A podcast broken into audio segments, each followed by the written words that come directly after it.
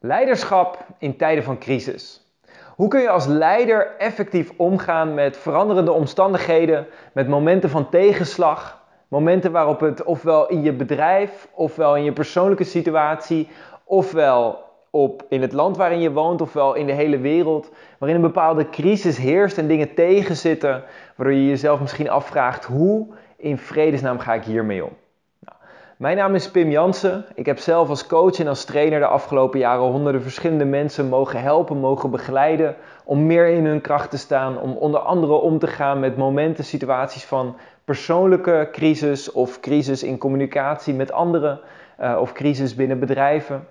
En mijn missie is om zoveel mogelijk mensen te inspireren om meer uit zichzelf te halen, meer in hun kracht te staan. Nou, in deze video gaan we dat doen door te kijken naar het stuk leiderschap in tijden van crisis. Want ik ben ervan overtuigd dat in tijden van crisis uiteindelijk de echte leiders gemaakt worden en de niet-echte leiders uh, ook naar boven komen, ook gemaakt worden als het ware.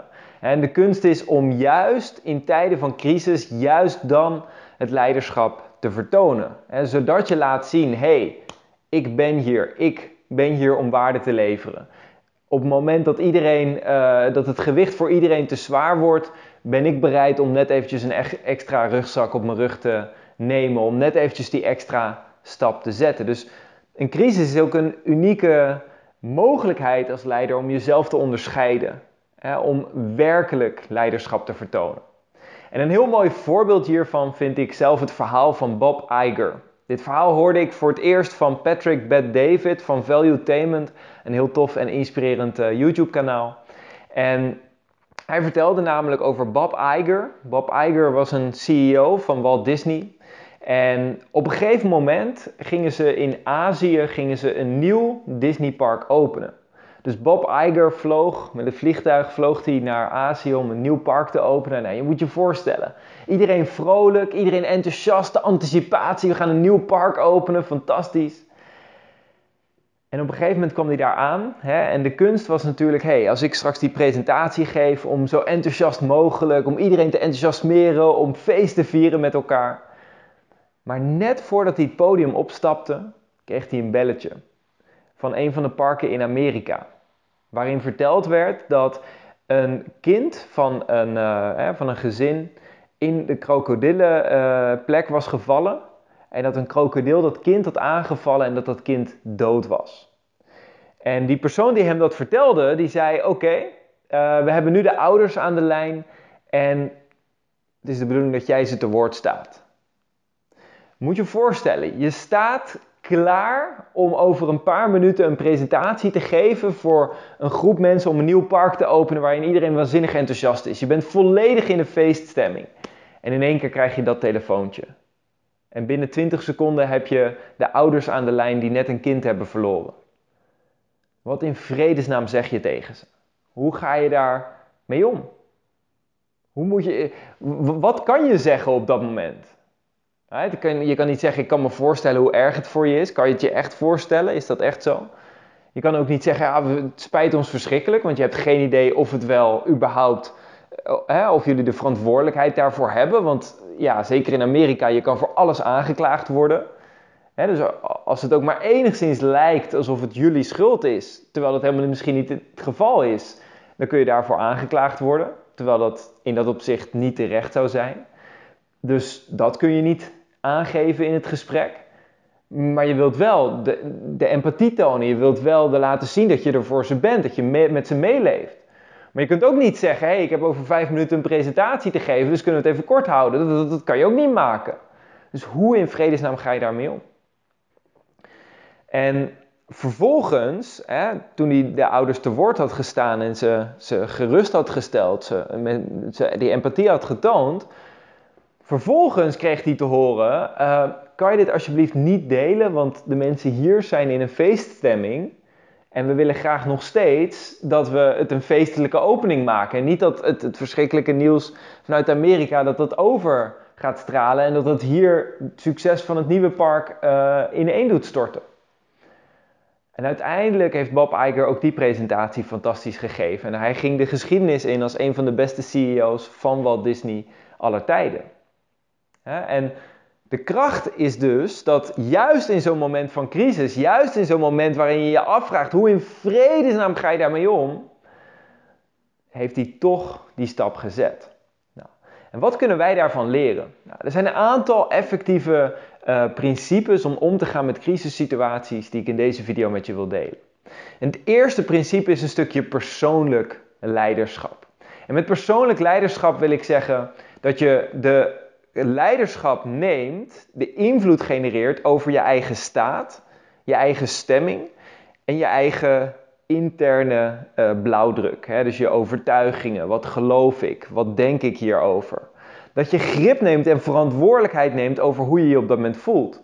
Want één ding waar ik heilig van overtuigd ben, wat een van de belangrijkste vaardigheden is die jou een effectief mens, maar ook een effectieve leider maakt, is het kunnen switchen van stemming. Het kunnen opwekken van de juiste stemming. Hè? Bob Iger had in één keer te switchen van een feeststemming naar empathie. Het kunnen meeleven met mensen die net een kind hebben verloren. En kunnen begrijpen en kunnen voelen hoe verschrikkelijk dat is. Maar vervolgens moest hij weer terug switchen naar een vrolijke stemming. Ik weet niet of ik hem dat na zou doen. Hè? Dit is een van de meest bizarre uh, prestaties om te kunnen geven. Maar wat ik wel weet is dat, hey, als hij het met zo'n heftig crisismoment kon doen en zo snel kon switchen, hoe kunnen wij dan zorgen dat we als leiders dat we ook een switch kunnen maken? Ik heb het zelf bijvoorbeeld als ik trainingen geef, dan komen er twee deelnemers naar me toe. De ene die komt me vertellen van wauw, fantastisch, ik heb net een doorbraak gehad, ik ben zo gelukkig, dit is nog nooit eerder in mijn leven gebeurd en ongelooflijk, die is helemaal in, in, in, in een staat van extase. En een minuut later komt iemand naar me toe en die zegt, ik snap er niks meer van, ik weet het niet, ik, ik, ik ben eigenlijk alle hoop verloren. Het, gaat, het blijft maar mislukken, ik heb alles al geprobeerd, ik ben moedeloos. En dan heb je direct te switchen van de een naar de ander. En ook voor die ander er weer te zijn met je volledige aandacht, met je energie. Dus het eerste waar ik met je op in wil gaan, hè, of de eerste tip die ik je in deze video wil geven, is het stukje persoonlijk leiderschap. En het goede nieuws is, hè, leiderschap over je staat, leiderschap over je interne blauwdruk, is iets wat je kan leren. Nou, ik heb honderden video's op dit YouTube-kanaal besteed aan leiderschap over je stemming, aan het creëren van meer zekerheid, meer zelfvertrouwen, het veranderen van overtuigingen. Dus daar wil ik in deze video niet al te diep uh, verder op ingaan. Daarvoor kun je al die andere video's uh, kun je doorkijken en ontdekken hoe je daar meer stappen in kan zetten. Maar weet in ieder geval dat dit enorm belangrijk is. Als tweede is het herevalueren van je prioriteiten. Namelijk als een crisis in één keer uit het niets komt vallen, of zelfs als een crisis er al aan zat te komen, maar je er nog niet helemaal op geanticipeerd had. En dan is het belangrijk om te ontdekken van hé, hey, oké, we hebben bepaalde prioriteiten, hè, we hebben bepaalde doelstellingen. Bijvoorbeeld in een bedrijf heb je bepaalde doelstellingen. Zijn die nog wel relevant? Hè, dragen die nog wel bij aan de 20% van acties die je kan nemen, die de 80% van het resultaat gaat veroorzaken? Of heb je te switchen? Zijn er andere dingen die nu belangrijker worden? In persoonlijke situaties natuurlijk, als je, uh, als je bijvoorbeeld kinderen hebt en een van je kinderen is in levensgevaar, natuurlijk wordt dat op dat moment het allerbelangrijkste in je leven. En denk je, ja, eh, of ik nou mijn baan behoud of dat mijn bedrijf failliet gaat of zo, dat, op dat moment kan, kan dat me even niet zo heel veel schelen, want nu is het leven van mijn kind het allerbelangrijkste. Hè? Dus dan in één keer heb je te switchen van prioriteiten, terwijl misschien gisteren je nog volledig met heel iets anders bezig was. Dus het effectief kunnen switchen en het daarmee ook kunnen stopzetten of kunnen wisselen van strategie. Bijvoorbeeld in een bedrijf. Hè. Bijvoorbeeld in mijn geval toen de hele situatie rondom corona begon in 2000, begin 2020, was ik voornamelijk voor mijn bedrijf afhankelijk van live presentaties. Voor in ieder geval een groot deel. Ik was gelukkig al begonnen met het geven van online presentaties en webinars. Maar ik deed ook nog heel veel hè, eh, live presentaties. Sterker nog, ik was net met de transformatietour, een nieuwe tour aan, aan seminars, was ik begonnen. Ik had net twee tours gegeven, twee edities. En in één keer, boom, kunt geen live seminars meer geven. Hoe ga je hiermee om? Hoe ga je switchen? Ook in de opleidingen die ik geef in samenwerking met het Op Instituut, ehm, was het in één keer, oh, we waren gewend om 50, 60, 70, 80 mensen in één zaal te hebben. Kan in één keer niet meer. Hoe ga je daarmee om? Heb je in één keer creatief te zijn. Je hebt je strategie aan te passen. En naar oplossingen te zoeken. Hoe kan ik nog steeds die bijdrage leveren zonder dat uh, zo'n bedrijf in elkaar stort en je alles kwijtraakt?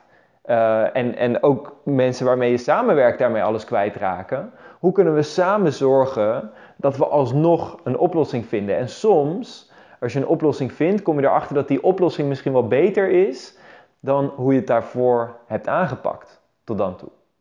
Derde principe waar ik met je op in wil gaan is het principe van anticipatie. Het kunnen anticiperen. Tony Robbins die zegt altijd losers react en winners anticipate. Dus oftewel, hij, hij, gebruikt altijd als voorbeeld van hey, als je wel eens een videogame hebt gespeeld tegen een kind en dat kind is misschien 5, 6 jaar oud, maar dat kind dat gaat dat videogame spelen en tak tak tak tak tak tak tak tak tak tak tak tak is een half uur bezig en heeft vervolgens 10.000 punten. En vervolgens ben jij 5 seconden bezig en boom, je bent doodgeschoten. Of wat voor, wat voor game het ook is. Nou ja, een kind van 6 hoop ik niet dat, uh, dat je videogames speelt waar iedereen doodgeschoten wordt, maar dat is wat anders. Maar zelf verlies je dat spelletje binnen een paar seconden. Hoe kan dat? Is dat kind vaardiger dan jij? Is het kind intelligenter dan jij? Nee, het kind heeft simpelweg het spelletje vaker gespeeld. Dus het kind kan anticiperen. Nou, nu is het zo dat in tijden van crisis vaak dingen voorkomen waar we nog niet op geanticipeerd hebben. Dus het is heel belangrijk om op het moment dat er een crisis zich voordoet, om direct op dat moment te anticiperen. hey, wat is er gaande en wat kunnen we hiermee doen? En ik ben zelf altijd een heel groot voorstander van de uitspraak: hope for the best, but prepare for the worst. dus natuurlijk hopen we dat het allemaal goed gaat. Natuurlijk hopen we dat het allemaal op de beste situatie afloopt. Alleen laten we onszelf wel voorbereiden op het feit dat het allemaal mis zou kunnen gaan. Laten we zorgen dat we in ieder geval nadenken over: hé, hey, als dit gebeurt, hoe gaan we daarmee om? Als dit gebeurt, hoe gaan we daarmee om? nu dat de situatie in de Oekraïne uh, zo is als dat die is, met de hele oorlog die daar op dit moment aan de hand is, weet ik van oké, we willen er met z'n allen geen. Ja, we hopen dat Nederland hier ver buiten blijft, afhankelijk van de support, uh, onafhankelijk van de support die we sturen. Maar we hopen niet dat Nederland hierbij betrokken uh, wordt. Maar tegelijkertijd prepare for the worst. laten we ergens wel voorbereiden van oké, we hopen het niet en hopelijk is de kans heel klein, maar stel dat het zou gebeuren, laten we in ieder geval voorbereid zijn. Laten we in ieder geval anticiperen. Hoe ga ik daar dan op dat moment mee om? Wat voor keuzes ga ik dan maken? Liever dat je dat van tevoren alvast bedenkt en in ieder geval alvast enig idee hebt van welke keuzes je zou kunnen maken op dat moment dan dat je daar op het moment zelf pas voor het blok staat en dan in één keer die keuze moet maken. Het vierde principe waar ik met je op in wil gaan is heldere communicatie. Nou, dit vierde principe spreekt een beetje voor zich, hè, maar het is heel belangrijk dat je op het moment dat er een crisis is, op het moment dat dingen misgaan, dat je helder en duidelijk communiceert. En daarvoor is punt 1 zo belangrijk, hè, dat persoonlijke leiderschap. Want op het moment dat jij invloed hebt op je staat, verantwoordelijkheid neemt voor je eigen stemming, dan kun je er ook daadwerkelijk zijn voor anderen als leider. Terwijl op het moment dat je op dat moment ineen krampt en denkt, oh shit, hoe moet ik hiermee omgaan? Verlies je daarmee ook de mogelijkheid om effectief te communiceren. En dan communiceer je misschien wel heel erg vanuit angst, vanuit onzekerheid. Van hé, hey, ik weet het zelf eigenlijk ook niet zo goed. En het is oké om toe te geven dat je het zelf even niet weet. Hè? Want als leider uh, liever dat je transparant en eerlijk bent dan dat je de boel voor de gek gaat houden. Hè? Als dat uitkomt, dan verlies je direct het vertrouwen. Alleen, tegelijkertijd wil je wel zelf een gevoel van zekerheid daarbij blijven behouden. Hè? Dat is eigenlijk het vijfde principe waar we gelijk een sprongetje naar kunnen maken. En dat is het gevoel van zekerheid kunnen uitstralen. In tijden van crisis zijn mensen op zoek naar een leider. Iemand die, waar ze een gevoel van zekerheid uit kunnen putten. Iemand die in ieder geval een idee heeft van, hey, boom, ook al gaan dingen mis, we gaan hier doorheen komen. zekerheid is uiteindelijk waar bijna iedereen naar verlangt. Dus jij als leider hebt de kans en de mogelijkheid om dat gevoel van zekerheid uit te stralen. Nogmaals, daarvoor gaan we weer terug naar punt 1. Daarvoor heb je dat persoonlijk leiderschap te creëren. En dat betekent dus ook, als we dit combineren met de heldere communicatie, dat het kan zijn dat je het even niet weet. Ja, alleen dat je op dat moment uitstraalt van hé, hey, op dit moment is nog niet per se duidelijk wat nou de beste strategie is om hiermee om te gaan. Ik ben er volledig in aan het verdiepen. Ik heb mijn eigen coaches en mentoren ingeschakeld. En ik weet zeker dat we de komende week tot een plan gaan komen waar we gewoon de kans zo groot mogelijk maken dat we hier uitkomen. En laten we met elkaar, met z'n allen daarvoor gaan strijden. Ja, dan weet je in ieder geval, oké, ook al weten we nog niet precies wat het plan is, we stralen in ieder geval een stuk zekerheid uit van hé, hey, we gaan het vinden. Ik ben er op dit moment alles aan aan het doen om een plan te creëren, om te kunnen anticiperen, om uit te werken welke mogelijke scenario's er zijn en daar oplossingen voor te vinden. Ja, dus een stukje, uh, een stukje zekerheid wat je bij jezelf kunt creëren, dat is gewoon ontzettend waardevol in een tijd van crisis. Als zesde principe wat ik je in deze video mee wil geven, is om de focus te leggen op oplossingen. Kijk, het is verleidelijk in een tijd van crisis om direct te focussen op het probleem. want ons evolutiebrein is gemaakt om te overleven. dus ons brein is geëvolueerd over miljoenen jaren tijd om te kunnen overleven. En ik zeg wel eens in trainingen, zeg ik wel eens van, hey, vroeger toen wij op de prairie liepen, was het veiliger om een steen voor een tijger aan te zien en dan maar heel bang te zijn en misschien weg te rennen of iets dergelijks. Of misschien stil te staan en te hopen dat die tijger je niet ziet. Dan om een tijger voor een steen aan te zien en te denken, nou het zal wel loslopen, ik kan gewoon lekker relaxen. Right? Dan word je zo opgevreten. Dus we zijn ontwikkeld, we zijn geëvolueerd om gevaar te zien. En om te focussen op een probleem. Wat ervoor zorgt dat op het moment dat er een crisis is, vaak onze aandacht voor een groot deel naar het probleem gaat. En zeker als leider, de mensen waar je mee samenwerkt, hebben ook die neiging. Dus vaak wanneer er crisis is, gaat alle aandacht gaat in één keer naar het probleem. Wat is er allemaal mis en waar, waar ligt het aan en waar komt het door? En, wat, hè? en rampscenario's. En nogmaals, voor een stukje anticipatie is dat goed. dus ik geloof er ook in. Ik zeg zelf altijd van hey, mijn focus wil ik 10% leggen op het probleem en 90% op de oplossing. die 10% zorgt ervoor dat je kunt anticiperen, dat je ook naar de kern kunt gaan van hey, waardoor wordt het probleem veroorzaakt. anders als je alleen maar op de oplossing focust, wordt het soms misschien dweilen met de kraan open. dus je wilt wel weten wat is er aan de hand, zodat je kunt focussen op het probleem uh, en er idealiter kunt achterhalen wat is de oorzaak daarvan. Nou, dat is natuurlijk voor een crisis binnen een bedrijf of binnen je persoonlijke situatie, is, dat, ehm, is die kans groter dat je daar een oorzaak voor gaat vinden dan een nationaal of wereldwijd probleem, crisis. Hè. Daarvoor kun je niet altijd zelf naar de oorzaak gaan. Maar kun je wel kijken wat voor oplossingen kunnen we in ieder geval creëren om onze situatie beter te maken. Om ervoor te zorgen dat we met elkaar in ieder geval volgende stappen kunnen zetten dus wat ik zelf bijvoorbeeld merkte afgelopen week, donderdag uh, was het nieuws dat Oekraïne inderdaad, of dat Rusland Oekraïne binnenviel. Nou, in eerste instantie, oké, focus op het probleem. Nou, dat bracht bij mij ook heel veel emotie teweeg. Dus op dat moment was ik echt nog eventjes helemaal in een soort staat van totale verwarring. Vervolgens werken aan mijn persoonlijke staat. Hè? Dat stukje persoonlijk leiderschap, stukje meditatie, stukje balans creëren voor mezelf. En vervolgens kijken, oké, hoe kan ik focussen op oplossingen? hey, wat doet dat in ieder geval met de mensen, mijn publiek bijvoorbeeld? Hoe kan ik de mensen in mijn publiek helpen? Hoe kan ik bijvoorbeeld vaker video's maken, livestreams gaan, uh, gaan maken om mensen met dit stuk te helpen? ik had al content voor de komende anderhalve week voor mijn social media klaarstaan. Wat gewoon puur gericht was op businessadvies en, en stukken over presentaties, over coaching en dergelijke. Oké, laten we dat heel even opschuiven en nu even focussen op wat kunnen we doen? Hoe kan ik mensen hiermee helpen? En vervolgens ook gekeken, hey, hoe kunnen we de mensen daar helpen? Kan ik zelf uh, iets doen om bijvoorbeeld, eh, in mijn geval heb ik dan Stichting Vluchteling gekozen, om hen te supporten. Kan ik iets met mijn bedrijf doen? Nou, toen heb ik gekozen om een van mijn producten, eh, de, een cursus die ik toevallig net had gemaakt, om je ideale klant te vinden. Um, om die aan mensen aan te bieden en alle inkomsten te gaan doneren aan Stichting Vluchteling. Ehm, en hè, de, de uiteindelijke resultaten daarvan en wat dat allemaal gaat opleveren, dat moeten we nog maar zien. Maar of het nou heel goed werkt of niet, hè, ik draag in ieder geval mijn steentje bij. Ik doe in ieder geval datgene wat ik op dit moment kan om iets te helpen. En doordat ik op oplossingen gefocust ben, guess what? Ik voel mezelf hierdoor beter, want ik kan mijn focus blijven houden op hey, wat kan ik doen? Waar heb ik invloed op? Wat kan ik oplossen?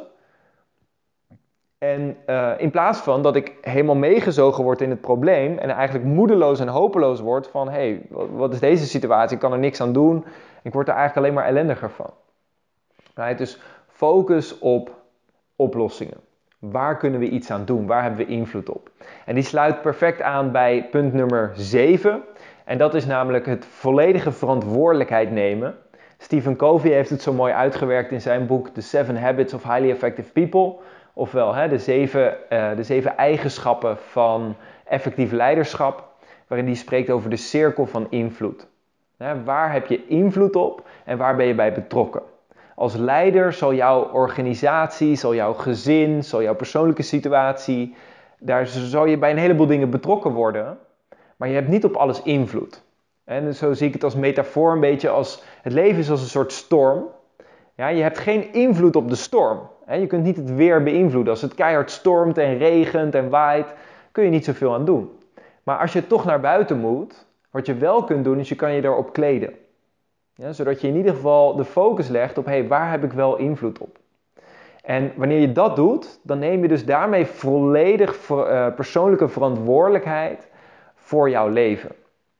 En dat is in mijn ogen wat werkelijk persoonlijk leiderschap is. Hè? Verantwoordelijkheid nemen voor jouw persoonlijke situatie. En als leider is het niet alleen verantwoordelijkheid nemen voor jezelf, maar verantwoordelijkheid nemen voor je team. Verantwoordelijkheid nemen voor je klanten. Verantwoordelijkheid nemen voor de mensen die je helpt. Verantwoordelijkheid nemen voor zoveel als dat je kan, hè, waar jij invloed op hebt.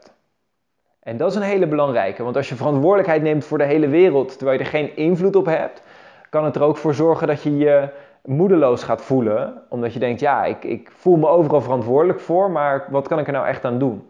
Nee, verantwoordelijkheid over waar je invloed op hebt.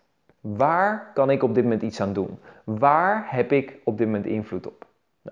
Dat waren de zeven principes die ik in deze video met je wilde delen. Ik hoop dat dit je helpt om effectiever jezelf als leider neer te zetten in tijden van crisis. Om de leider in jezelf te vinden en de kracht in jezelf te vinden om jezelf, jouw omgeving en zoveel mogelijk mensen te helpen om effectiever om te gaan met lastige situaties, tijden van crisis. Nou, nogmaals, als je uh, een steentje wil bijdragen aan de huidige situatie, de huidige crisis, in de situatie met Oekraïne, kan op, op alle, allerlei manieren. Ik ben recentelijk een actie begonnen waarbij mijn nieuwste product, uh, een cursus om je ideale klant te vinden, die cursus is voornamelijk gericht op coaches, maar wellicht als je als ondernemer werkt, dat je daar ook heel veel baat bij, uh, bij gaat hebben. Of als je leiding geeft aan een bedrijf, dat je ook bij deze cursus veel baat kan hebben. Um, dus als je die cursus wil downloaden, je kunt hem hieronder vinden. Je krijgt een gratis preview en vervolgens kun je de cursus aanschaffen. 100% van de inkomsten heb ik beloofd om te doneren aan Stichting Vluchteling. Dus alle inkomsten gaan volledig daar naartoe. Daarnaast zijn er natuurlijk meerdere manieren om je steentje bij te dragen. Je kunt ook zelf doneren aan Stichting Vluchteling. Je kunt doneren aan het Rode Kruis. Je kunt doneren aan andere goede doelen. Nou, bedenk voor jezelf, waar heb ik invloed op? En wat is de oplossing? Hè? Dus nummer 6 en nummer 7, focus op oplossingen. En vervolgens de cirkel van invloed. Waar kan ik echt iets aan doen? Het zou voor mij een wereld betekenen als je een stap kan nemen om daar een steentje aan bij te dragen. Want ik weet zeker dat we daarmee in ieder geval ons steentje bijdragen om de wereld een stukje mooier te maken. Dat gezegd hebbende, geniet van je dag vandaag. Maak er vandaag een prachtige dag van. En wij zien elkaar in een andere video. Klik even op het duimpje omhoog als je dit een waardevolle video vindt. En abonneer je op dit YouTube kanaal als je vaker van dit soort video's wilt zien. Bij deze, tot de volgende keer. Ciao, ciao.